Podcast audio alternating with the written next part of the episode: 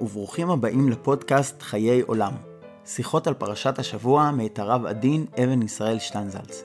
הפודקאסט מופק על ידי ישיבת כוח ובסיוע מרכז שטיינזלץ. מרכז שטיינזלץ עושים דברים חשובים ומגניבים בתחומי היהדות והחינוך ואתם יותר מוזמנים ללמוד עוד ולהצטרף לפעילות הענפה בלינק המצורף לתיאור הפודקאסט. תודה שאתם איתנו. האזנה נעימה.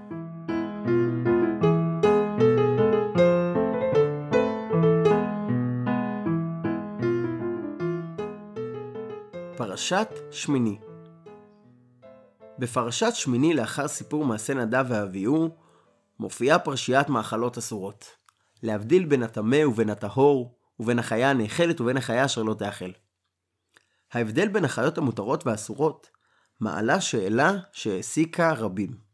מה מייחד את החיות המותרות באכילה מכל שאר החיות האסורות? מדוע שפן גרוע מחיה אחרת? מה רע בגמלים ובחזירים? ומדוע הדגים, ומדוע הדגים שעושים מהם קוויאר הם גרועים מהדגים שלא עושים מהם קוויאר? השאלה הזו איננה חדשה והיא נכונה גם כלפי דינים רבים אחרים מדיני התורה. אולם בנושא הזה היא עומדת בצורה מאוד בוטה. אחת הסיבות לכך היא הנוכחות הגדולה של דינים אלו בחיי היומיום ובהלכה. ביום שגלינו מארצנו ונתרחקנו מעל אדמתנו ואנחנו מנועים מלעשות את רוב מצוות התורה, דיני כשרות מהווים חלק מרכזי בחיים היהודיים. כיום, אדם מישראל שקוע בין אם הוא רוצה ובין אם לאו, בצלחות. בשר וחלב, טרפות וכשרות ממלאים הרבה מהזמן ומהמחשבה שלו. היו ניסיונות שונים ליישב את הבעיה הזו. היו שאמרו שאכילת החיות הטמעות מזיקה לגוף, ומפעם לפעם קם מישהו שמסביר עד כמה מסוכן לאכול חזיר. אמת היא שיש בחזירים תופעה של תולעת החזירים, וידוע שכשאדם אוכל בשר חזיר שלא בושל כהלכה, הוא יכול לקבל כמה וכמה מחלות. אך אם זו הייתה מטרת העניין, במקום לאסור את החזיר, יכלה התורה לתת עצה הרבה יותר טובה ולומר שצריך לבשל את החזיר כמה פעמים לפני אכילתו. היו אחרים שטענו שחזירים שימשו לעבודה זרה, והיו כאלה שאמרו להפך, שאפילו לעבודה זרה לא לקחו אותם. דבר דומה אנו רואים גם בניסיונות להסביר את מחלת הצרעת.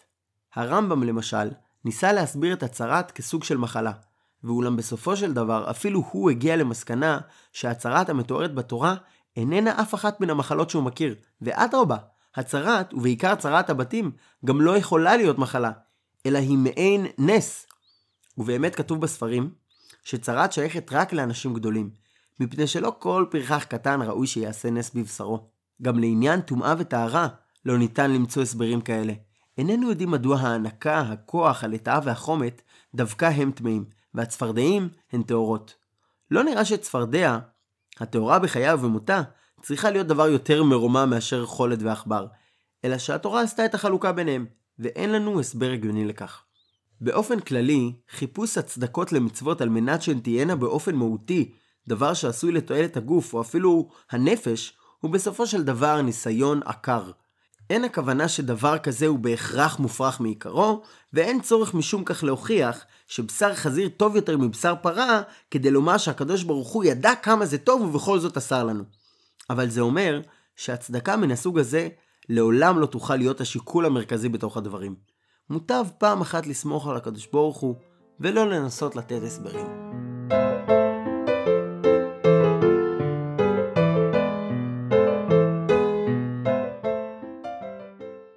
בפרשה מופיעות המילים טמא וטהור בשתי משמעויות שונות לגמרי, הן ברשימת בעלי החיים המותרים והאסורים באכילה, והן ברשימת בעלי החיים המטמאים במותם. שתי רשימות אלו נמצאות יחד, למרות שכביכול אין שום נגיעה ביניהם. ברור שלמונח טמא הוא לכם, הנאמר בגמל ובשפן, אין שום שייכות לא מבחינת התפיסה ולא מבחינת ההלכה ל "וטמא עד הערב וטהר", הנאמר בשרצים. הראשון משמעו איסור אכילה, ואילו השני פירושו שהם מטמאים מבחינת דיני הטומאה והטהרה. בעלי חיים האסורים באכילה אינם טמאים יותר מאשר בעלי חיים טהורים, מבחינת הלכות טומאה וטהרה. כשהם חיים הם ודאי לא מטמאים יותר, וכשהם מתים, יש מהם שמטמאים יותר, ויש מהם שמטמאים פחות. הנחש למשל, למרות היותו אסור באכילה, הוא אחד מבעלי החיים שאינם מטמאים לא בחייהם ולא במותם.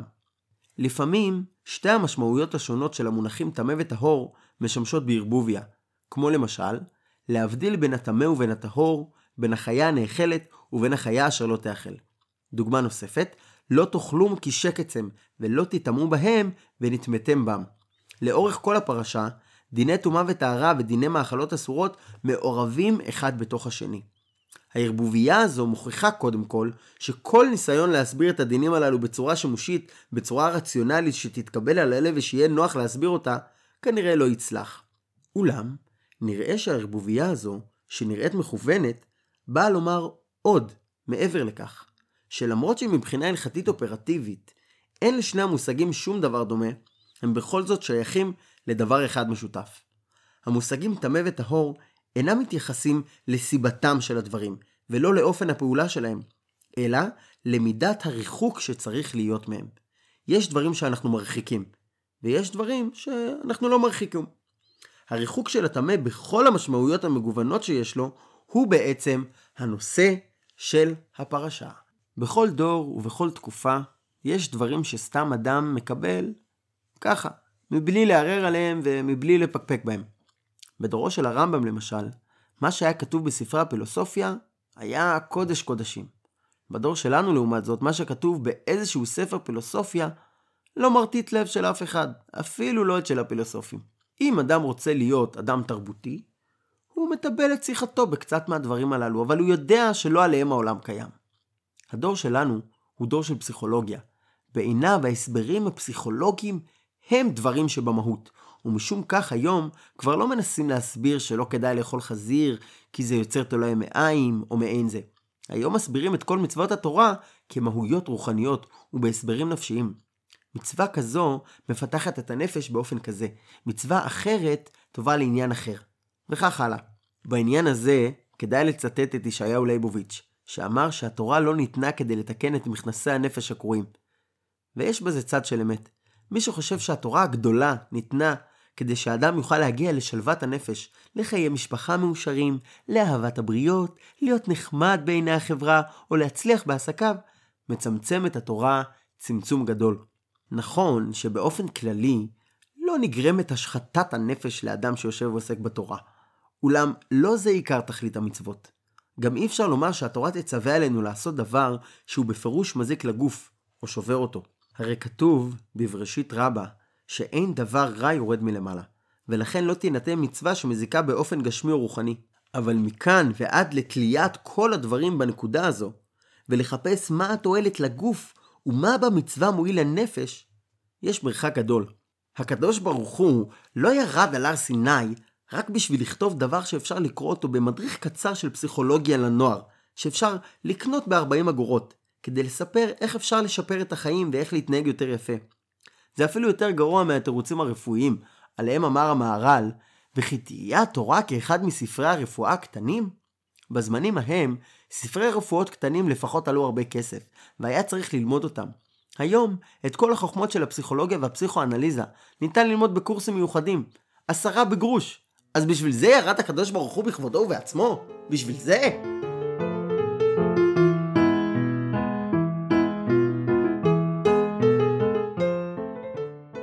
לנסות להעמיד את התורה בהסברים על דיני טומאה וטהרה כדברים שמביאים תועלת כזו או כזו לחיי הנפש, זה משפיל את כבודה של תורה. אבל מעבר לכך, צריך לזכור דבר נוסף שהוא נכון לגבי כל התורה כולה, מבראשית ועד לעיני כל ישראל.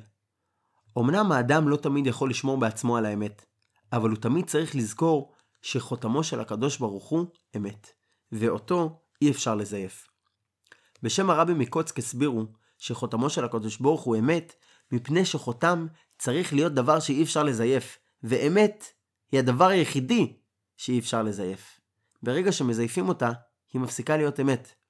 אפשר לעשות שלום מזויף, חוכמה מזויפת או יופי מזויף, אבל אמת מזויפת לא יכולה להיות. אמנם יש זמנים ומצבים בהם אי אפשר להשתמש באמת. יש אנשים שכשנותנים להם הסבר של אמת, הוא לא מספק אותם, משום שהם סוג כזה של אוכלי קש. צריך לדחות אותם בקש. וכך גם עשו ראשונים כמו גם אחרונים. לפעמים אני נותן לאדם הסבר שאיננו מרקיע שחקים, אבל הוא על דרך האמת, והוא שומע ולא מתלהב. אחר כך אני אומר לו איזה דבר שכל כולו ספק ספקה, ואור הוא עיניו, עכשיו הוא מרגיש שהוא יודע את האמת לאמיתה. בן אדם יכול לחיות 20 שנה על כך שהוא שומע קש, וטוב לו בזה. אך בכל זאת, כשמישהו מגיע להסברים שעל דרך הפסיכולוגיה או על דרך אחרת, צריך להביא אותו בחזרה לפרשת שמונה שרצים ולשאול אותו, מה אתה דורש על שמונת השרצים האלה? מה תאמר על ההנקה, הכוח, הלטאה, על החומת, אה? למה החולת והעכבר הם יותר גרועים מהחתול והכלב?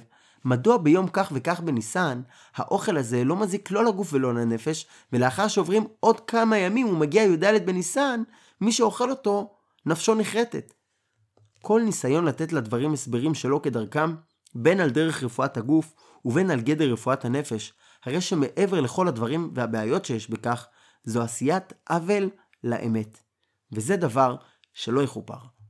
הגמרא בחגיגה מספרת כי ארבעה נכנסו בפרדס, ואלו הן בן עזאי ובן זומא, אחר ורבי עקיבא.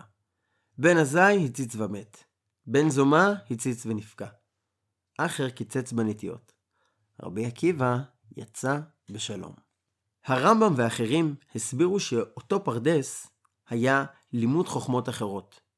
אבל הגר"א כותב על ההסבר הזה של הרמב"ם דברים קשים מאוד.